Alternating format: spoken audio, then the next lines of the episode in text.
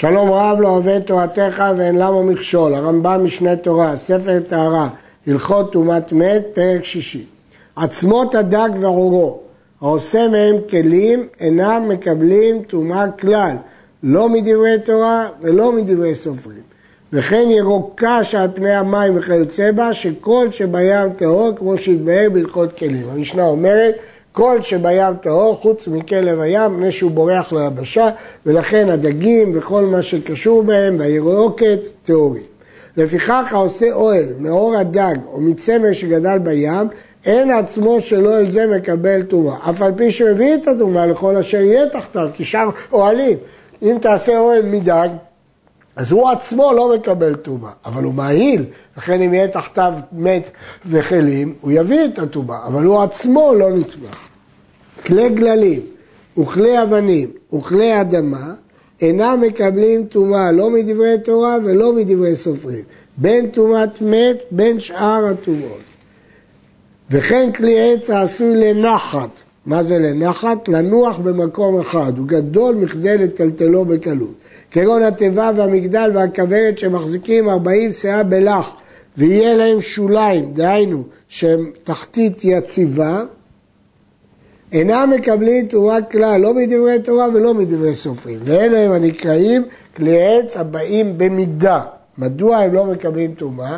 הגמרא בחגיגה לומדת מההיקש של כלי עץ ושק. מה שק מיטלטל מלא ורקב? אף כל מיטלטל מלא ורקב. אבל הכלים האלה לא מטלטלים אותם, מחזיקים אותם עומדים, לכן הם לא מקבלים טומאה. כלי חרס, פשוטיהם טהורים ומקבליהם טמאים, ואינם מטמאים אלא מעבירם או בהסת הזר. אפילו נגע כלי חרס במת מגבו, אינו מטמא. ואם נכנסה הטומאה מן הטומאות באווירו, אף על פי שלא נגעה בו, נטמע. אם כן, כלי חרס מטמא רק באוויר שלו, או בהסת, אם זב מסית אותו, הוא נטמע. אבל מגעו בגב שלו לא מקבל טומאה. היה כלי חרס עם המת באוהל, נטמע, שהרי טומאה נכנסה באווירו, ואמרנו שבאוויר הוא נטמע. ואם היה מוקף צמיד פתיל, אם הוא מוקף צמיד פתיל, כלומר, יש מכסה צמוד לו סביב שפתו ופתול ביתית, אז הטומאה לא יכולה להיכנס, אז כאן הטומאה לא נכנסה לתוכו. הוא, מה שבתוכו טהור. כי גם הכלי עצמו לא נטמע אלא מהאוויר. כמו שפרש בתורה שאין טומאה נכנסת, לא לפיתחו והסת הזב, שהיו כמי שנגע בכולו. רק בהסת הזב ורק בתוכו. ולכן אם אה, כלי חרס נמצא עם המת באוהל, אז כל עוד אנחנו לא יודעים שהוא נטמע מהאוויר, הוא לא טמא. העושה גולל מדבר שאינו מקבל טומאה, כגון שני על גבי הקבר אבן או כלי אדמה או כלי עץ הבא במידה או כלי חרס המוקף צמיד פתיל, או הדג ועצמו וכיוצא באלו, כל אלו שאמרנו שהם טהורים. הנוגע בהם טמא טומאת שבעה משום נוגע בגולל.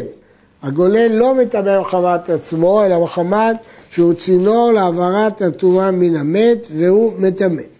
ואם פרשו מלהיות גולל, או שהסיר המת מתחתיהם, הרי הם טהורים. וכן בהמה שכפתה ועשה אותה גולל, הנוגע בה טמא טומאת שבעה כל זמן שהיא גולל. התירה בהמה, הרי היא טהורה כשאר הבהמות. וכן חבית שמילת משקים מורכבת צמיד פתיר ועשה אותה גולל המת, הנוגע בה טמא טומאת שבעה, והחבית והמשקים טהורים. קורה שהסייג גולל לקבר, בין עומדת, בין מוטה על צידה, אין טמא אלא כנגד פתח הקבר, והנוגע בקצה המונח חוץ לקבר טהור. עשה ראשה גולל לקבר, רק חלק מהקורה, והרי עומד הקבר כמו אילן, הנוגע ממנה ארבעה טפחים סמוך לקבר, טמא משום אילן.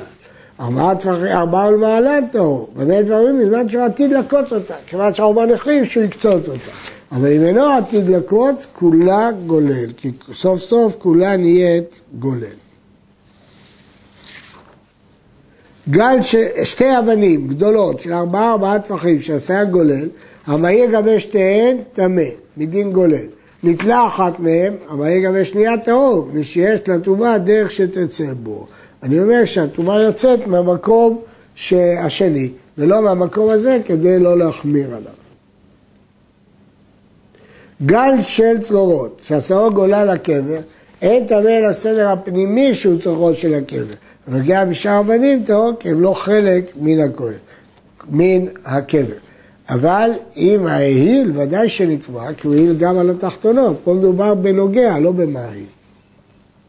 ארון שהוא חקוק בסלע, והניח בו המת וכיסהו בגולל, ככה הייתה פעם צורת קבורה ויש כאלה גם היום, הנוגע בסלע מכל מקום טהור, והנוגע בגולל טמא. למה זה דומה? בור גדול מלא מתים ואבן גדולה על פיו, שאין טמא אלא כנגד חללה. ואם בנה נפש על גבה, מצבה, הרי זו כקבר סתום ומטמא מכל סביבה. יש להסביר.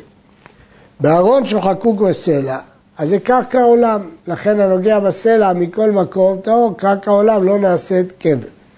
והדפנות הבולטות מן הקרקע נחשבות חלק מן הקרקע ואינן נעשות קבר. אז כמו בבור גדול מלא מתים, והאבן גדולה על פיו שאין טמא אלא כנגד חלה כי הדפנות הן קרקע עולם, גם בסלע הדפנות הן קרקע עולם. אבל אם הוא לא הניח אבן, אלא בנה בניין מצבה, זה ממש קבר סתום ומטמא מכל סביבה. הייתה ארון חקוקה בסלע, רחבה מלמתן וצרה מלמעלן, והמת בתוכה, הנוגע בה מלמתן טהור, מלמעלן טמא.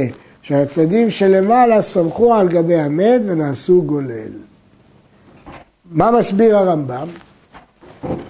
שאם הארון חקוקה מלמטה וצרה מלמעלה, אז אנחנו רואים שהצדדים למעלה סומכים על המת והם נעשו כגולל. כלומר, הנוגע בסלע שטח טמא טהור, תחתית הקבר קרקע עולם. אבל הדפנות סיככו על המת ואינם כקרקע עולה. הייתה אהרון רחבה מלמעלן וצרה מלמטה ונוגע בה מכל מקום טמא. כיוון שהחלק המאוזן של האבן נמצא מעל המת, נחשב כולו ככיסוי הקבר, כמו אבן שעל פי הבור.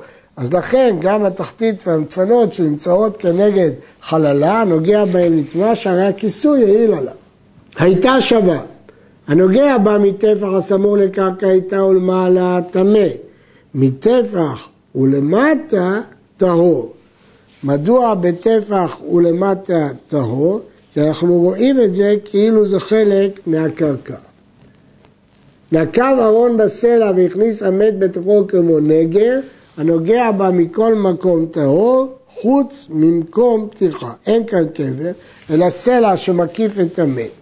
אבל במקרה הקודם הסלע בלט מן הקרקע, ואז חקק כמו בצידו. במקרה הזה הוא חקק בסלע שהוא לא בולט מן הארץ, אז הנוגע בכל מקום טהור.